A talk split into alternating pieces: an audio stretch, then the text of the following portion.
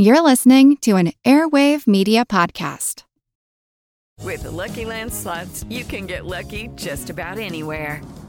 This is your captain speaking. Uh, we've got clear runway and the weather's fine, but we're just going to circle up here a while and uh, get lucky. No, no, nothing like that. It's just these cash prizes add up quick. So I suggest you sit back, keep your tray table upright, and start getting lucky. Play for free at LuckyLandSlots.com. Are you feeling lucky? No purchase necessary. Void where prohibited by law. 18 plus terms and conditions apply. See website for details. As a longtime foreign correspondent, I've worked in lots of places, but nowhere as important to the world as China. I'm Jane Perlez, former Beijing bureau chief for the New York Times. Join me on my new podcast, Face Off US versus China where I'll take you behind the scenes in the tumultuous US China relationship. Find Face Off wherever you get your podcasts. This is Kickass News. I'm Ben Mathis.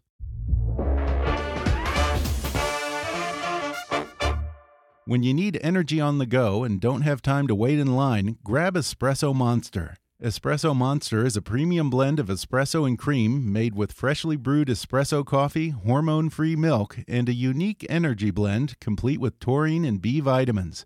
Each can has three shots of espresso and comes in vanilla espresso or espresso and cream flavors. Close your eyes, take a sip, and enjoy Espresso Monster today. With all the stresses of life, it can be easy to lose perspective on what really matters. But Heineken believes that life is about being with friends and opening yourself to new experiences. Because when you live spontaneously and embrace the unexpected, it's a chance to create new stories and connections. You just have to open it. So enjoy a refreshingly cold, full bodied Heineken lager today. With its deep golden color, light fruity aroma, mild bitter taste, and a crisp, clean finish. Cheers! Hi, I'm Ben Mathis. Welcome to Kickass News. As a lover of American history, I'm so happy to finally welcome acclaimed author and historian Doris Kearns Goodwin to the show today. She began her career as a presidential biographer, working for President Lyndon Johnson on his best selling memoir, and went on to win a Pulitzer Prize, a Carnegie Medal, and a Lincoln Prize for her biographies of Presidents Abraham Lincoln, Theodore Roosevelt, and Franklin Roosevelt.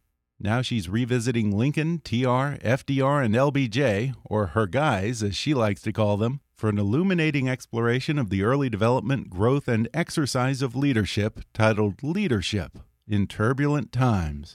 Today, Doris Kearns Goodwin joins me on the podcast to talk about the ideological family tree these men share, how their character was shaped by their setbacks, and how their destinies were forged in times of crisis. She shares how Abraham Lincoln transformed the Civil War and appealed to the better angels of our nature, how Teddy Roosevelt averted a coal strike that would have left millions of Americans in the freezing cold, how Franklin Roosevelt got America through her greatest economic crisis by talking to every American as a trusted friend, and how Lyndon Johnson managed to accomplish what JFK couldn't. She recounts the meeting when a wily FDR outfoxed a young Congressman Lyndon Johnson, only to have the tables turned on him the next time the time Theodore Roosevelt showed up to cheer on his own protesters, and how President LBJ gradually won over a very young and very skeptical Doris Kearns Goodwin.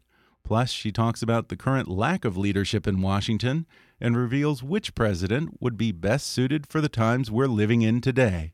Coming up with author historian Doris Kearns Goodwin in just a moment.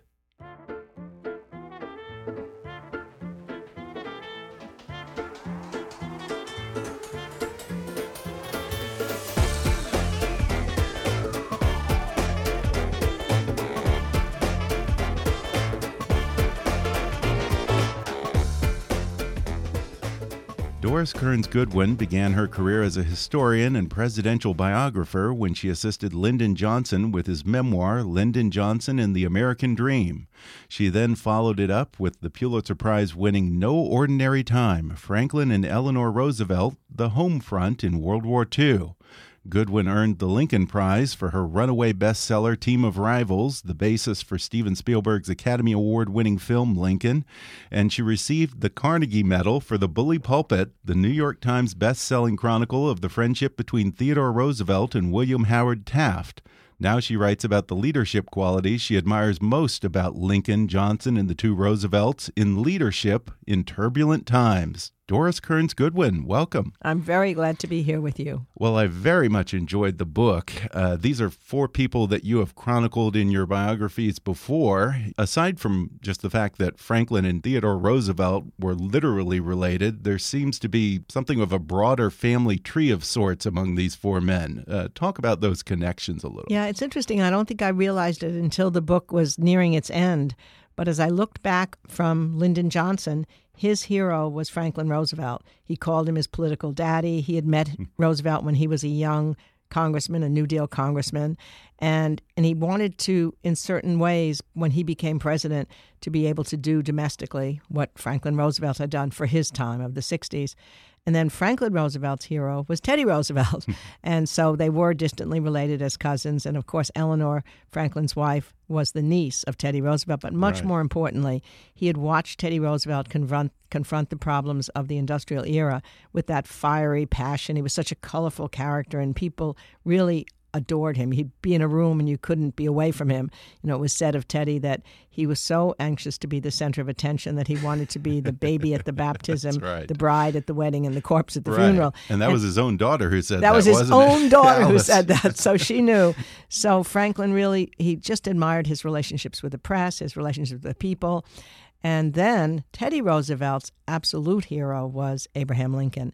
In fact, in the midst of a big coal strike, uh, one of the most challenging moments that he faced in the presidency, where for six months the miners were staying off the job and there was a chance that New England wouldn't have fuel, he spent that summer reading eight volumes of the biography that the two young secretaries who'd worked for Lincoln, Nicolay and Hay, had written. Wow. And he would literally say, Well, Lincoln did this here. I think I can figure this out. And then Lincoln's hero was George Washington and the founding fathers. So it just shows what a short history we have, mm-hmm. but also how important it is, I think, for a leader to look at a leader in the past and see what they did right, even hopefully see what they did wrong and learn from their experience. Mm-hmm. Yeah, and I was always amazed by just the sheer number of books that Teddy Roosevelt consumed, even when he was president. And all of these men, in their own ways, seem to have had a real interest in education and in bettering themselves. You know, Lincoln, of course, that was his ticket to bigger things in life.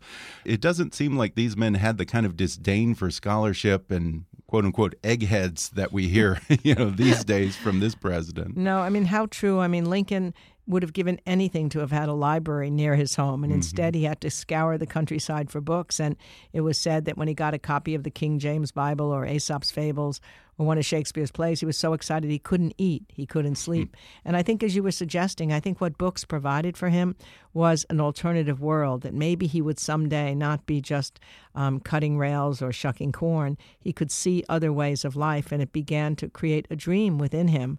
And then when he went to run for the first time when he was 23 years old, he talked about education as central, not only for the people to be able to rise to the level of their abilities, but civic education for people to be aware of the ideals of the revolution. So that's him. Um, Teddy Roosevelt was an asthmatic child, and so he couldn't participate in ordinary activities that a little boy might have been running around in. So he just became a reader, an obsessive reader. There's one summer where he reports to his family that he read 50 novels, and then he never stopped reading, even during the presidency. He would hold a book when he was waiting for somebody to come down the stairs. He was interested in science, in literature, in poetry, in drama. I mean, he, and then he had a photographic memory, which helped a lot. Yeah. The interesting thing about Franklin Roosevelt is that when he was young, he had um, a real interest in all sorts of things, in stamps, in maps.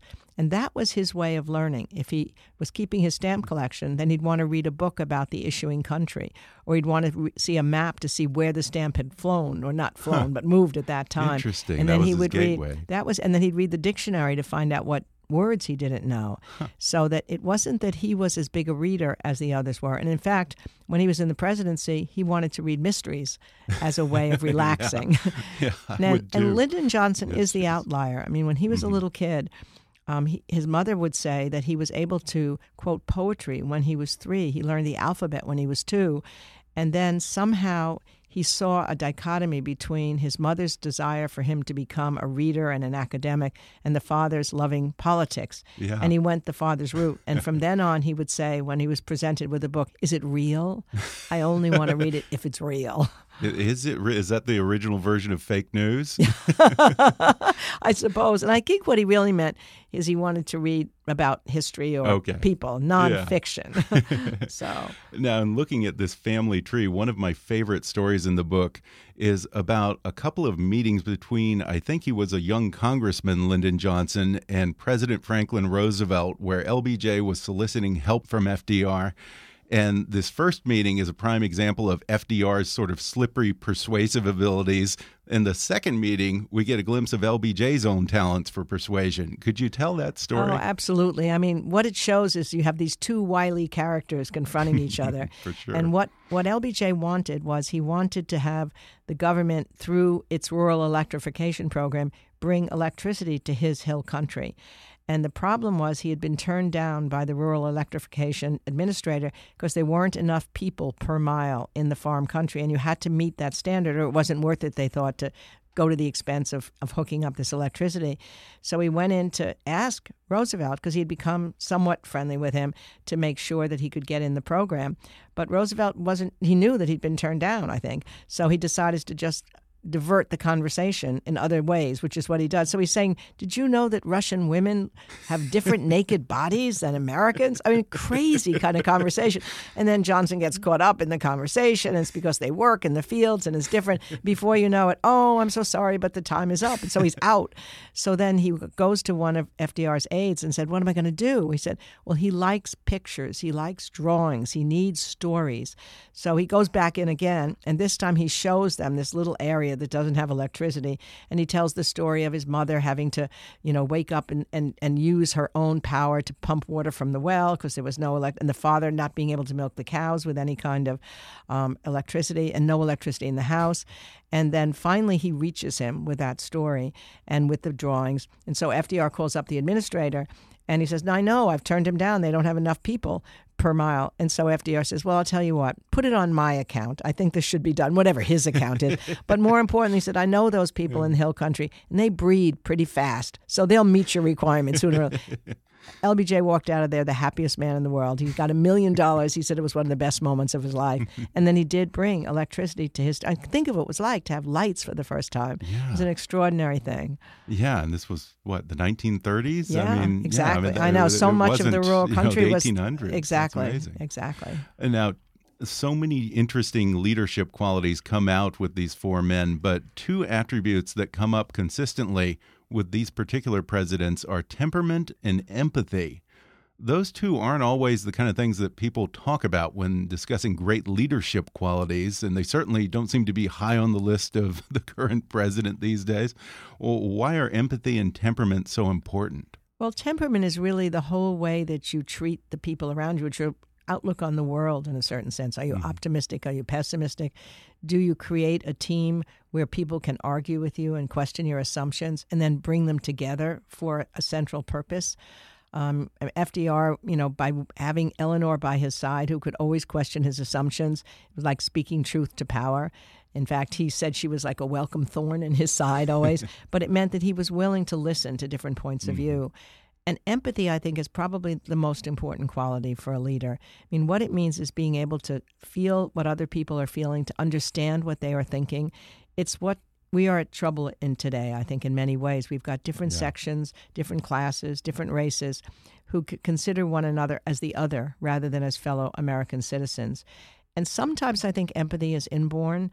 It certainly was for Lincoln. Even as a little kid, there's a time when his fellow friends are putting hot coals on turtles just to watch them wriggle, and he knows that's wrong. I mean, it's, it's just a wrong thing to hurt another person. In this case, wrong thing to hurt another animal. And he talks to them about it. And in, in Teddy's case, however, he admitted that coming from the privileged background he did, He didn't really understand people who lived in slums or tenements that he hadn't any contact with. And he didn't feel that empathy or fellow feeling for their concerns. But then politics took him into those tenements. He saw child labor. He's police commissioner and he's rambling around the streets at night. He sees what it's like to live in those slums at night. And he said maybe it's self conscious at first to identify with them, but after a while it becomes more natural. And so he becomes much more empathetic. And, and that's a huge part of his leadership program. When he does the square deal, it's for the rich and the poor, you know, the wage worker and the capitalist. I think for FDR, he too, coming from that insulated background, he had a, an intuitive understanding of people, even his mother and his father when he was little, but empathy for people outside of his group. He really wasn't exposed to all that much. But then what happens is once he gets the polio, still in his 30s, and then he sets up this rehabilitation center in Warm Springs, he's suddenly showing himself vulnerable to the fellow polio patients he realizes that he has to somehow teach them to get joy in life, not just to physically recover. He becomes old Doc Roosevelt. You know, he's playing water tag and polo, and they have wheelchair dances, and they have cocktail parties. And he emerged completely warm hearted, with much more empathy for other people for whom fate had dealt an unkind hand. And you spend probably, I guess, as much time talking about their failures and their moments of doubt as you do talking about their triumphs in this book. Uh, what do you think those moments reveal about these men? Well, I think the important thing that each one of them illustrates is that you know, when they start out, sometimes they're going to go through failures. In fact, when I was talking about leadership lessons from the White House some years ago, a young student raised his hand and said, But how can I ever become one of them? They're too far, they're remote. So I realized if I started when they first ran for office, Lincoln's 23, Teddy's 23, FDR's 28, LBJ's roaming around from the time he's two. But anyway, they'll they'll they'll fail. They'll they'll make mistakes. They'll learn from them. They'll grow in office. And these four men had particularly harrowing experiences, hopefully more than most of us might have. But there's something about going through adversity and finding wisdom at the other end and knowing that if you've got through that, you have the strength to get through something else. Lincoln fell into a depression so deep that his friends took all knives and razors and scissors from his room when he's in his yeah, early 30s. That was amazing. And and it was partly because the gap between his huge ambitions to want to change the world, which he had from the time he was 23, and the reality of his circumstances was too big to bridge. And a friend went to him and said, You must rally or you will die. And he said, I would just as soon die now, but I've not yet accomplished anything to make any human being remember that I have lived. Even at young age, that was his dream. Teddy Roosevelt was in the state legislature and he got a telegram that his wife had just given birth and they celebrate with cigars. His mother, who was only 49, had come to take care of the of the wife. Then he gets a second telegram saying you have to come home immediately. Your wife is dying and your mother's dying too. His mother had contracted typhoid fever. She died just after Teddy got home and then 12 hours later in the same house that same day his wife died. So he circled into a depression, but it left him with the decision to leave the state legislature in New York and go to the Badlands. And those two years he spent in the Badlands, being a cowboy, being a rancher, changed his view of the world. It made him a conservationist. It made him a Westerner as well as an Easterner. He said he probably would never become president if he'd just been this Eastern guy, privileged guy. Now he was suddenly part of the growing West. And of course, FDR's polio was what he went through. Yeah. Johnson is more complicated. Um, what happened to him is I do think he had empathy when he was young. He he taught for a year in between college because he couldn't afford to stay as a principal and a teacher in this community where there were Mexican American kids who were really poor and, and there was prejudice being exhibited against them. So he became everything to the kids. You know, he gave them his salary to build sporting equipments and he taught them to, he said, I want to fire ambition in them. And if I can do that, they'll be fine the rest of their lives. But then as he got into politics, it was more accumulating power and more power without that same sense of purpose he had when he was young until in, in the middle of 1955 he had a massive heart attack. He's majority leader of the Senate, the most powerful one. And then he says to himself when he comes out of the depression, Well, if I died now, what would I be remembered for? And that gave a purpose to his power. He, he got the first civil rights bill through the Senate. And then, of course, when he's president, civil rights becomes the main thing that he cares about. Yeah. Now, I remember that Theodore Roosevelt once lamented being a peacetime president. and he said something along the lines, I think, of if it hadn't been for the Civil War, no one would remember Abraham Lincoln's name.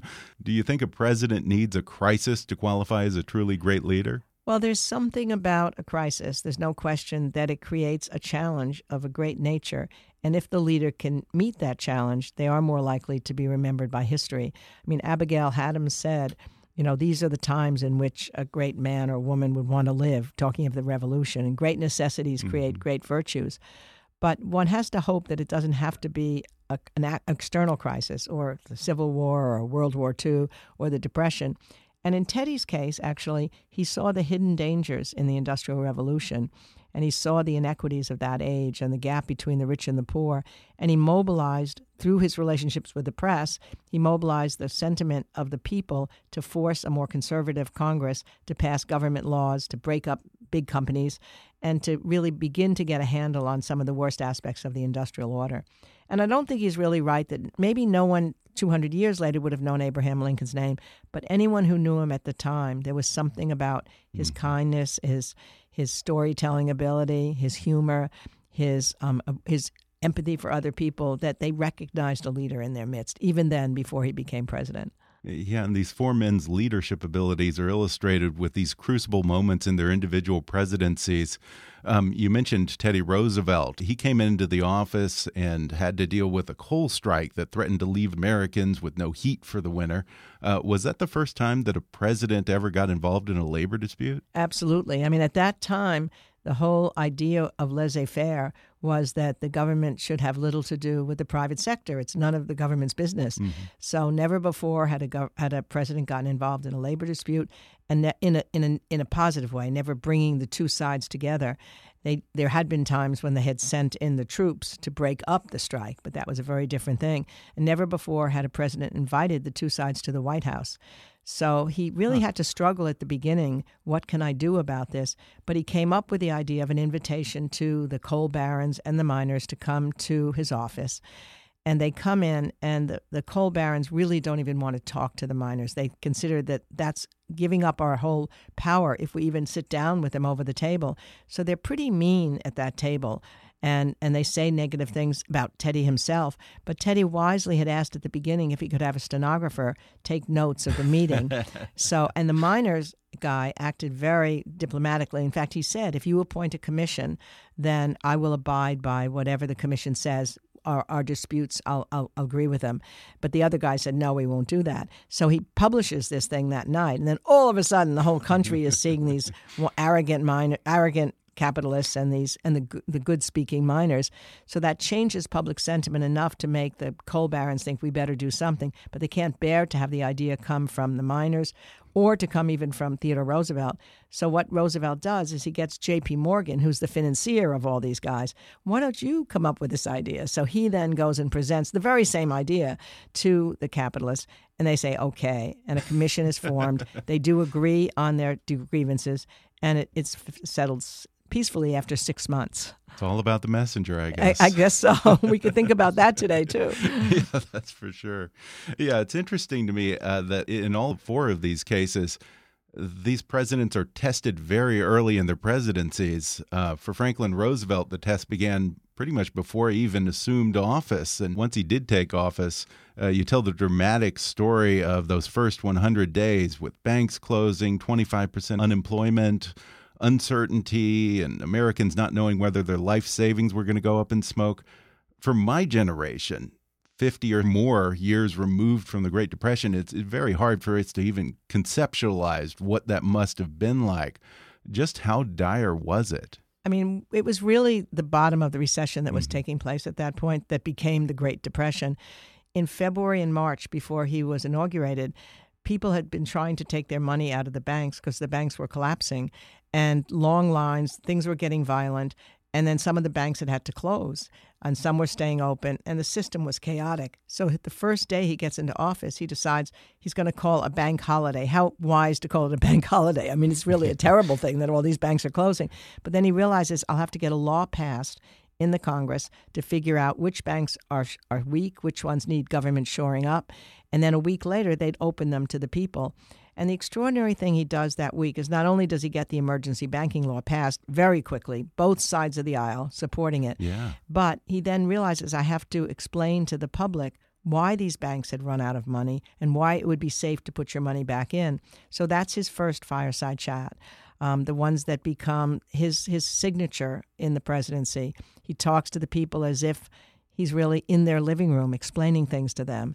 So he explains that when you put your money in a bank, it just doesn't sit in a vault. They use it to give mortgages and loans to keep the economy running. And that what happened in this instance, some of these banks used it to invest in the stock market. The stock market crashed, so they didn't have the money on hand.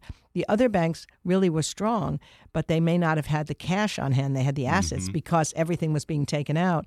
So he, he says, I assure you, it's better for you to to bring it into the bank rather than keep it under your mattress. So then the banks open on Monday morning and there's a fear. Maybe they'll take even more money out. And they see long lines and they're bringing their money back. They're bringing satchels of money back in. So it seemed to save the system.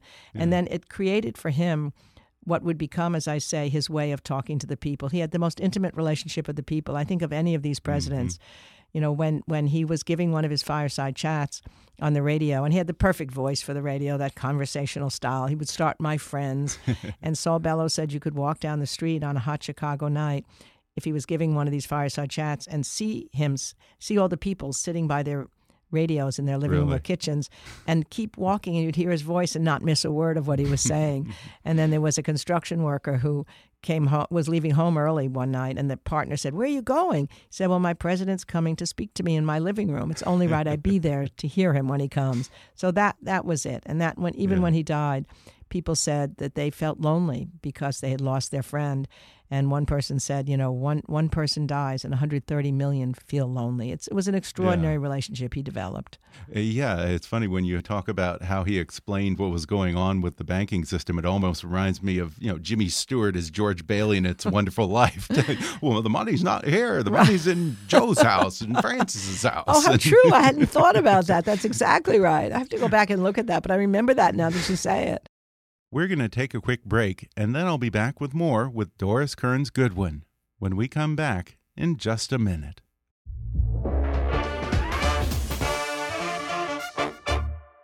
Folks, I've been a small business owner for many years now, and I've come to learn what every small business owner knows. When you're your own boss, you work a lot harder than you ever did working for anyone else.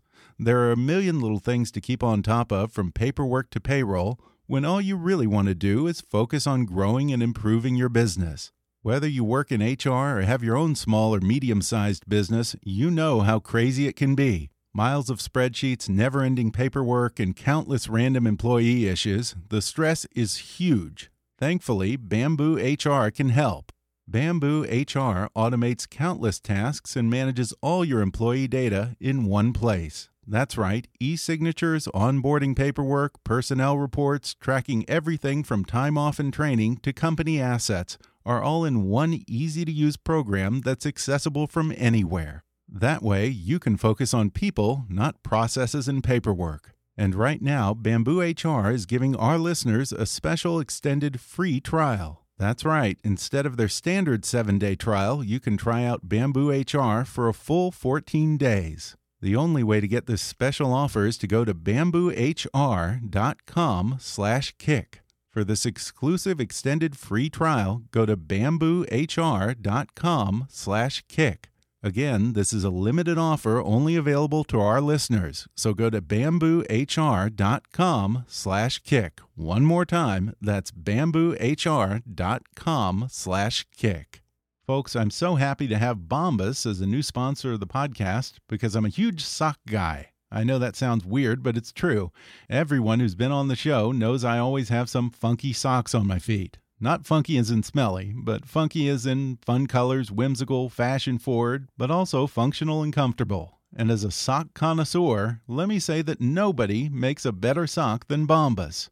Thanks to two years of research and development and multiple improvements in design, performance, and comfort, Bombas are the most comfortable socks in the history of feet. With an arch support system that provides extra support where you need it most and a cushioned footbed that's reinforced for comfort without added bulkiness, Bombas feel like a hug around your foot. Not to mention, Bombas Stay Up technology ensures that your socks stay in place without leaving a mark and the super soft cotton material makes you never want to take them off. So, whether you're a runner, power walker, or power lounger, that's me, there's a pair of Bombas that'll add comfort to your life. As a matter of fact, I'm wearing a pair of purple Bombas Marls calf length socks even as we speak. They come in every color of the rainbow, and I ordered them all because they look great and they're easily the most comfortable socks I've ever owned. There's a good reason. These socks are scientifically engineered for comfort. Think about that. How much time do you spend trying to find a comfortable pair of shoes? Now ask yourself how much thought you've ever given to your socks. Socks go on your feet too, folks, and if you're suffering from tired feet, consider this. Maybe you've got the right shoes, but the wrong socks. You owe it to your feet to find out what a perfectly engineered sock feels like. Take it from me, they're a game changer. Go to bombas.com slash kick and use the code KICK for 20% off your first order. That's Bombas, B-O-M-B-A-S dot com slash kick, code KICK, and you'll get 20% off your first order. Folks, I was really dragging this morning and I didn't have time to wait in line for a coffee before I came into the studio. So I'll tell you what I did. I grabbed an espresso monster. That's right. The guys from Monster Energy Drinks now have a delicious creamy espresso drink in two different flavors. I tried the vanilla espresso today and it gave me just the shot in the arm that I needed to power through my day. Espresso Monster is a premium blend of smooth espresso and cream, packaged in an 8.4 ounce can, so it's just the right size and perfect for when you're on the go. Each can has three shots of espresso, that's right, three shots blended with European milk just the way the Italians do it. And at 150 to 160 milligrams of caffeine per can, it's sure to give you the energy you need to conquer the day. Espresso Monster has two delicious flavors to choose from espresso and cream, and vanilla espresso. Produced in Denmark and the Netherlands, Espresso Monster is made with freshly brewed espresso coffee, hormone free milk, and a unique energy blend that's complete with taurine and B vitamins. Espresso Monster certainly got me going this morning, and it tastes so good, I'd drink it anyway. You got to give it a try, folks. Close your eyes, take a sip, and enjoy Espresso Monster today. Life can be stressful, and sometimes we lose perspective on what really matters. As we rush to achieve all the things we want in life, it can be easy to forget to enjoy the smaller moments along the way. But life isn't about following a common path or having a set plan. It's about being with friends, celebrating with loved ones, and living in the moment. Heineken believes that you create the richest memories when you embrace the unexpected and open yourself to new experiences. That's why Heineken encourages everyone to live spontaneously. Because when you embrace the unexpected, things like exploring new parties, enjoying the summertime, watching exciting soccer matches, and celebrating the holidays with your family all become chances to create new stories and connections. You just have to open it up. So enjoy a refreshingly cold, full bodied Heineken lager today with its deep golden color, light fruity aroma, mild bitter taste, and a crisp, clean finish. Cheers. And now, back to the podcast. For Lincoln, who was the subject of your amazing book, Team of Rivals, his big moment, you say, was when he tied the Emancipation Proclamation to the war itself. Because prior to that, I guess it had mostly been about unifying the country Correct. and preserving the Union. Why was that so important, tying the ending of slavery to the Civil War? Well, the purpose of the war, which most people at the beginning were fighting for, was simply to restore the Union. And obviously, there were people who were considered radicals who thought emancipation should be a goal of the war as well. But there were other really deep conservatives, and all of these guys are in his cabinet, since he put all these rivals in his cabinet, who felt that if you did tie emancipation to the war, it would never end, that the South would never come to the peace table, and that many of the Union Army soldiers would leave the war because they weren't signing on for emancipation. Oh, interesting. So what happened is he and he couldn't figure out how he could emancipate the slaves anyway. He didn't think the president had the power because the Constitution would have prevented that. But then one summer of 1862, he used to go and visit the troops all the time. And as he was visiting the troops after one battle loss, he realized that the slaves were helping the Confederate cause enormously. They were teamsters. They were doing things on the sites. They were staying in the plantations to man them so the soldiers could come to the Confederate cause. And he realized that as commander in chief, he just came to this as he went away that summer. Time to think, he found in the soldier's home. Then maybe military necessity could allow him to emancipate the slaves legally. And so he issued the Emancipation Proclamation. But he went to his cabinet and he said, I'm going to do this. We've been arguing about it for months. and I, have made my decision. I will listen to your ideas about its implementation, but this is the decision I've made, and I hope you'll come with me, essentially, he's saying. And even though they still had reservations, one person at first thought they'd resign from the cabinet, another one said he would file written objections. So good was Lincoln's leadership during this time, understanding the emotional needs of each one of these people, that when he announced it, they all stood behind him, which was critical because then he had to convince the North. Many of the Northern legislators didn't want this. They passed resolutions saying they were going to secede, like from New England, that radical place. But in the end, and the army soldiers did not leave. They were they said if Lincoln believes this is a purpose, by then they believed in him. And so it transformed the meaning of the war to emancipating the slaves. And when he signed the Emancipation Proclamation, he, he knew that he had done the thing he wanted to, to be remembered for. But that morning at a New Year's reception, he had shaken a thousand hands. So when he went to sign it, his own hand was numb and shaking. He put the pen aside. He said, If ever my soul were in an act, it is in this act. But wow. if I sign with a shaking hand, posterity will say he hesitated. So he waited and waited until he could sign with a bold hand. What a story. Yeah. Uh, fast forward 100 years to LBJ's big standout moment. Uh, here he is. He's just inherited the presidency thanks to the assassination of JFK. And he decides that he's going to push through JFK's civil rights bill. And within a year of his own reelection, he does that he seems uniquely suited for that moment because he had the skills of a political operator and this ability at horse trading and ability to move legislation. Um, do you think JFK would have been able to pull that off? I think it's it's probably less likely, mm-hmm. certainly mm-hmm. less likely. It took someone with a Southern heritage to know how to deal with with the expected filibuster. It took a legislative wizard to know how to get the Republicans because he would need the Republicans on his side to break the filibuster because the Democratic Party was split in two. But it also took somebody who had the passion. I mean, while it's true that LBJ's legacy will always be cut in two by the war in Vietnam, when he came into that office, even the first night he came in, he had a vision for what he wanted to achieve. I'd like to achieve a civil rights bill to end segregation in the South. He told the three guys lying on the bed watching the JFK t- coverage. And then I want a voting rights bill. And then after that, I want to get aid to education so every kid can go as far as they want. Then I'm getting all Harry Truman's Medicare through, and I'm going to get a tax cut through. He did all five of those things. But as you suggest, it was a very risky thing for him to do civil rights. His advisor said, You're going to have to run in 11 months. You probably won't, won't get it through. It'll fail. You'll be a failed president.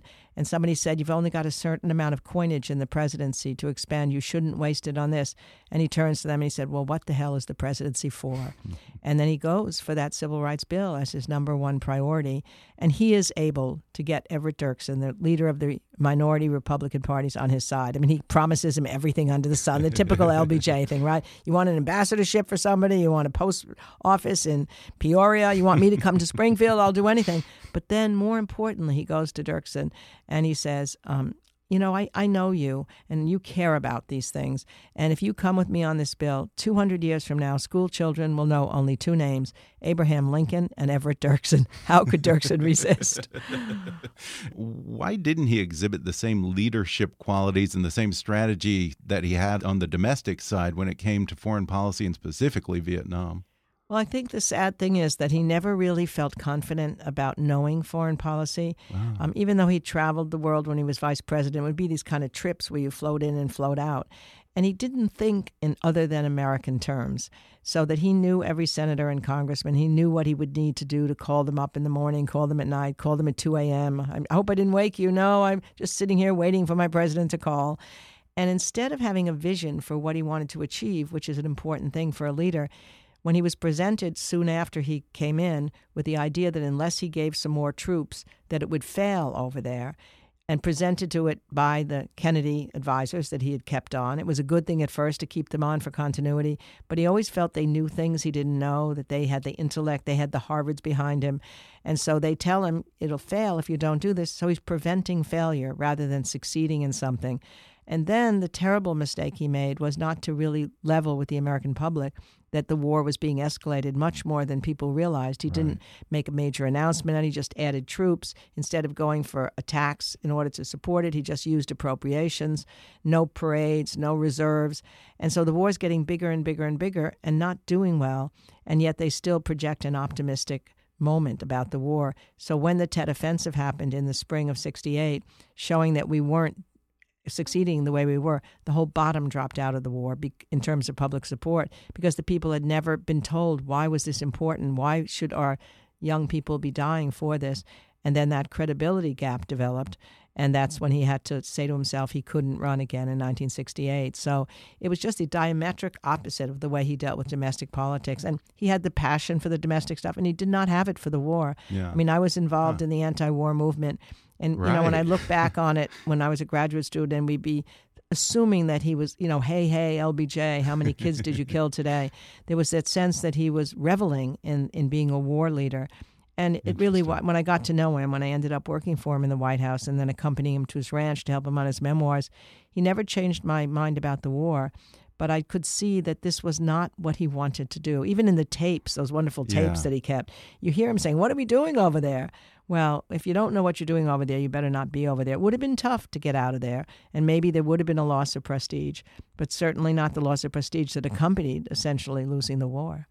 Yeah, uh, there's a great story where I guess you had originally opposed him and spoken out against him before you took uh, what a White, White House, House fellowship, fellowship, working yeah. for him. How did he handle that? That's a good uh, example of temperament, right well, there. Well, that was a surprising example. I mean, Yeah. um, I was chosen as a White House fellow when I was a graduate student, and then we had a dance at the White House, and he did dance with me.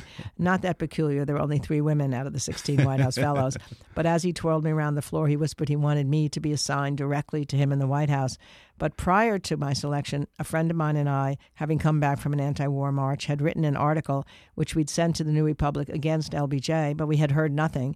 And then suddenly it appeared in the New Republic after this dance in the White House with the title, How to Remove Lyndon Johnson from Power.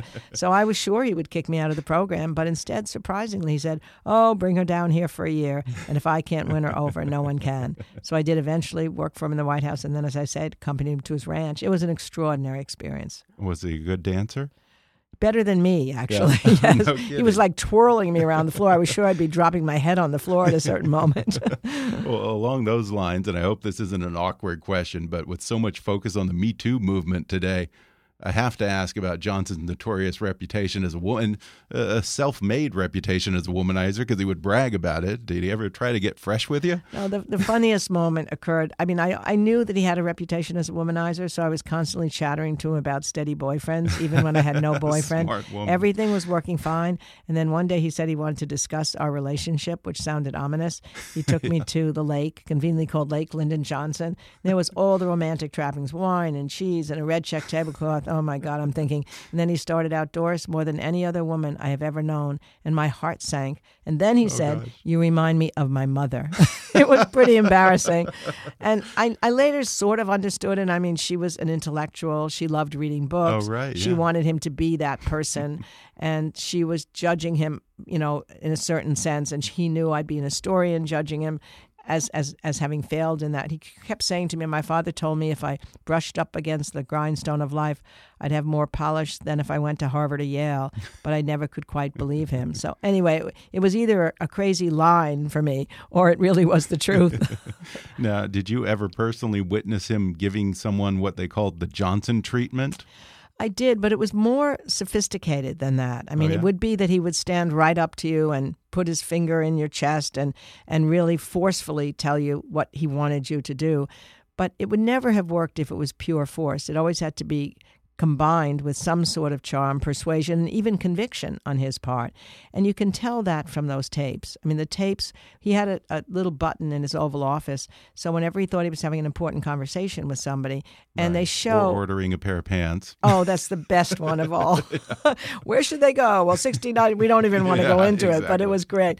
But the funny story I later heard was I met a man who had been the um, CEO of Pepsi Cola and a friend of Richard Nixon's. So when Nixon first became president, he asked this man, Don, Don Kendall, to go to Johnson's Ranch to talk about some sensitive matter. So Kendall told me, Now I know you knew him years ago, but wait till you hear this story. So he gets to the ranch. Johnson's working on his memoirs, and he's saying, What am I supposed to do? Remember 20 years ago, 30 years ago? I can't remember them. The only chapters that are any good at all are where I had this taping machine in my Oval Office, and I pressed a button and I have verbatim conversations, and those chapters are great. So you go back and tell your good friend Nixon as he starts his presidency, there's nothing more important than a taping system. and thereby he contributes to the end of Richard Nixon's presidency. Now, of course, some readers might interpret a book about leadership as an indictment of the current government and its perceived lack of leadership. Was that a conscious or perhaps subconscious motivation in writing this book? Because you've never written a, a book that was uh, an, sort of an instructive book, just straight biographies usually. Yeah, I mean, I think when I started out, even before President Trump was elected, there was a lack of leadership in Washington. I mean, it had been a long time since the two parties had gotten together, and people were talking about that. I also really wanted to study leadership because I'd been interested in it from the time I was in graduate school. But then as the Trump administration came into power, realized that I hoped what this book could do was to shine a light on what the leadership qualities are that we need. That humility and, and empathy and resilience and the ability to control negative emotions Mm-hmm. and the capacity to relax and replenish your energies and courage of your convictions and to, to speak in a way that people believe what you're saying and then it shows the absence of that leadership today. But not only just to, to make people upset about what's happening i just feel right now that if you really look at these four guys it wasn't just what they did as leaders, but it was what the citizens did. I mean, the anti slavery movement, Lincoln said, did it all, more than just him. You have the progressive movement that was that absolutely was created before Teddy Roosevelt, the settlement house and the social gospel, and the civil rights movement obviously underlay Lyndon Johnson. So if we are citizens now, if you read this and you're feeling, well, why can't we have these leaders? That's one question. We should be looking for leaders with these qualities. But even more importantly, we have to be active. We have to just not be spectators. We've just got to get out there and realize that it's every movement is what created change in our son, and we need a movement now to restore our political system, to get people to vote, to get people to um, to really become citizens. And there are record breaking numbers of women running this year.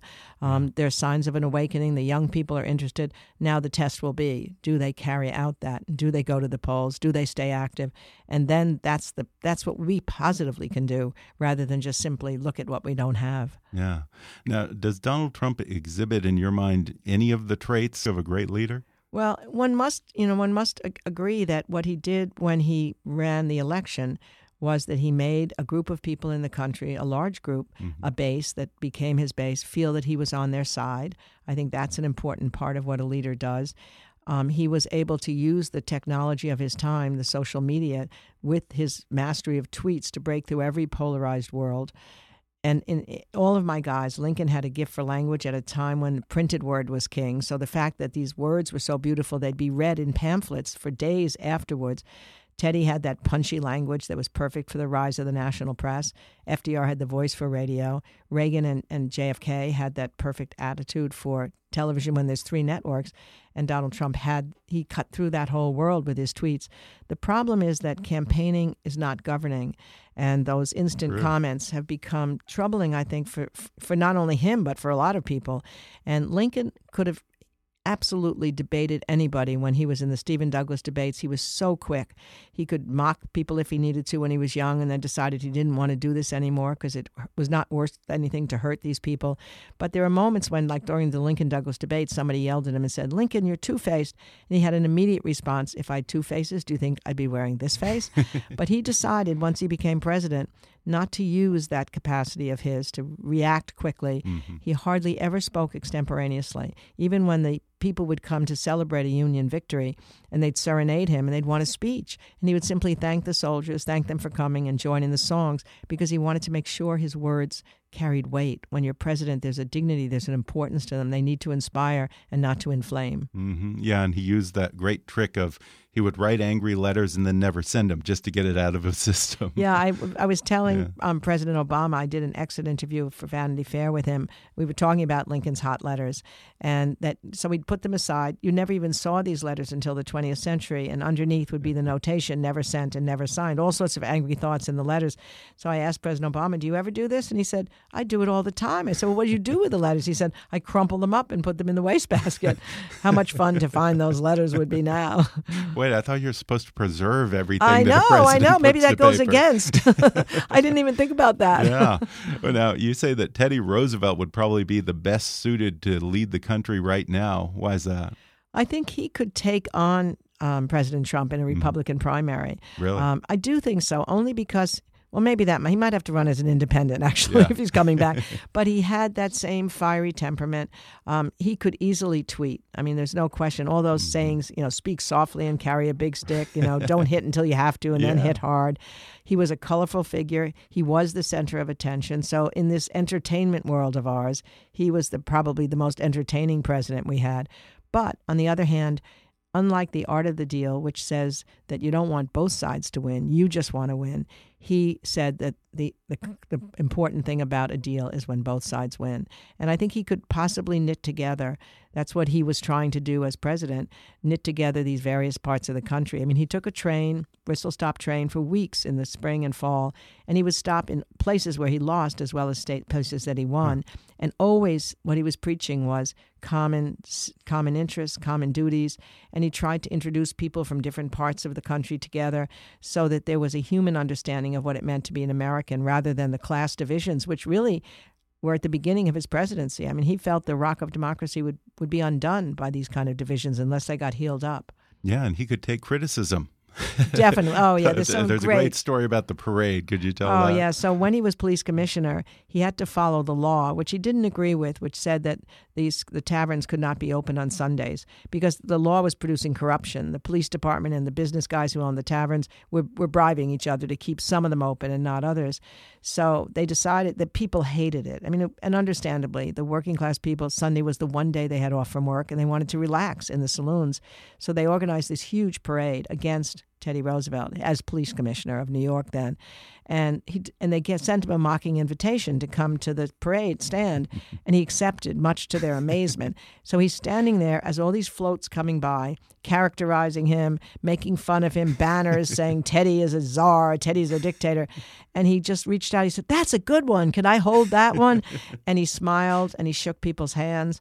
And then the reaction afterwards, they came to jeer and ended up cheering. It makes such a difference if you can do that. There's that another moment, another moment when a journalist writes a critique of his memoir about the Spanish American War. And he says that Teddy placed himself in the center of every action of the war, that he should have called the book Alone in Cuba. And so the whole country's laughing because this journalist is a national comedian in some ways. And he Teddy, what does he do? He writes a letter to the journalist. He said, I regret to tell you that my wife and my intimate friends absolutely adore your review of my book.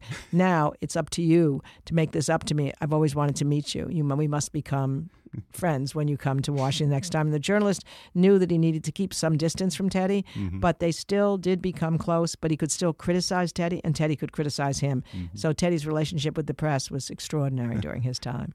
Well, before we go, Americans increasingly seem to view current events through the lens of their own confirmation bias. And I'm curious if you see evidence of that when you interact with such a wide swath of Americans of all political stripes at book signings and speaking events.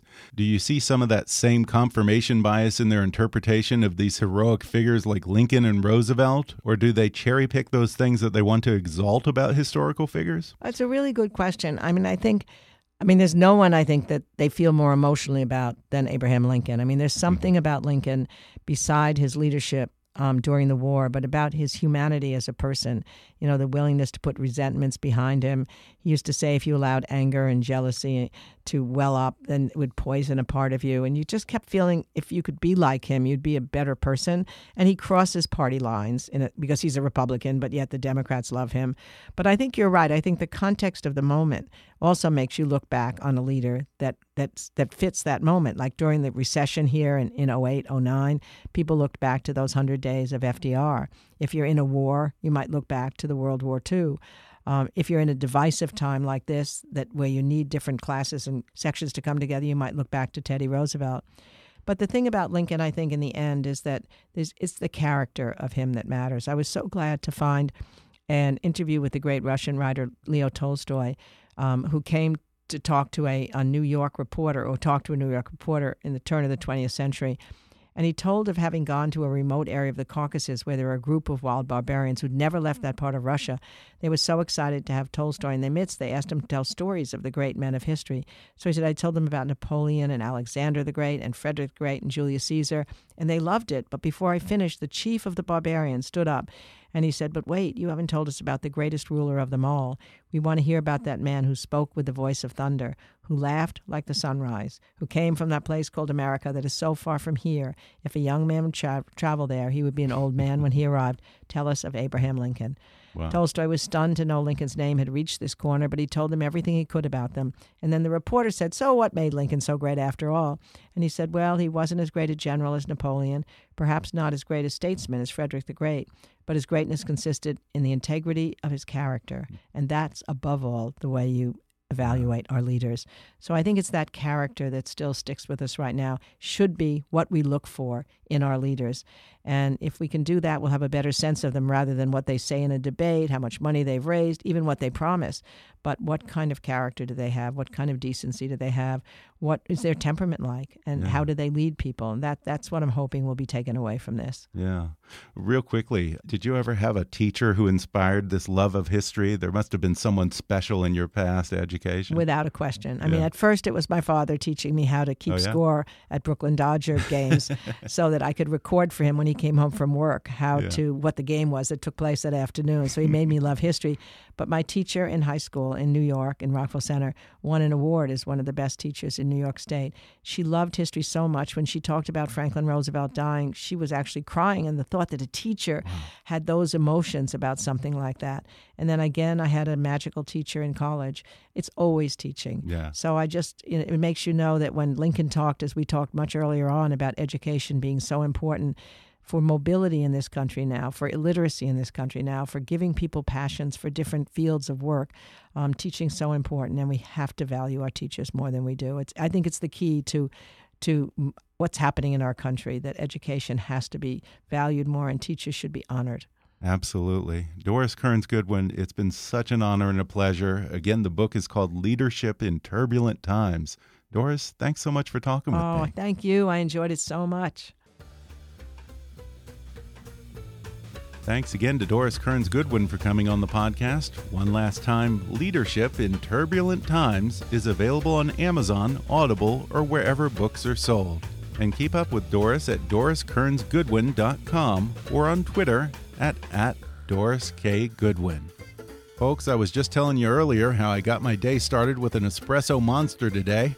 When you need energy on the go and don't have time to wait in line, grab Espresso Monster. Espresso Monster is a premium blend of espresso and cream made with freshly brewed espresso coffee, hormone free milk, and a unique energy blend complete with taurine and B vitamins. Each can has three shots of espresso and comes in vanilla espresso or espresso and cream flavors. Close your eyes, take a sip, and enjoy Espresso Monster today. If you haven't already, be sure to subscribe to Kickass News on iTunes and leave us a review. You can follow us on Facebook or on Twitter at, at KickassNewsPod. And as always, I welcome your comments, questions, and ideas at comments at kickassnews.com. I'm Ben Mathis, and thanks for listening to Kickass News.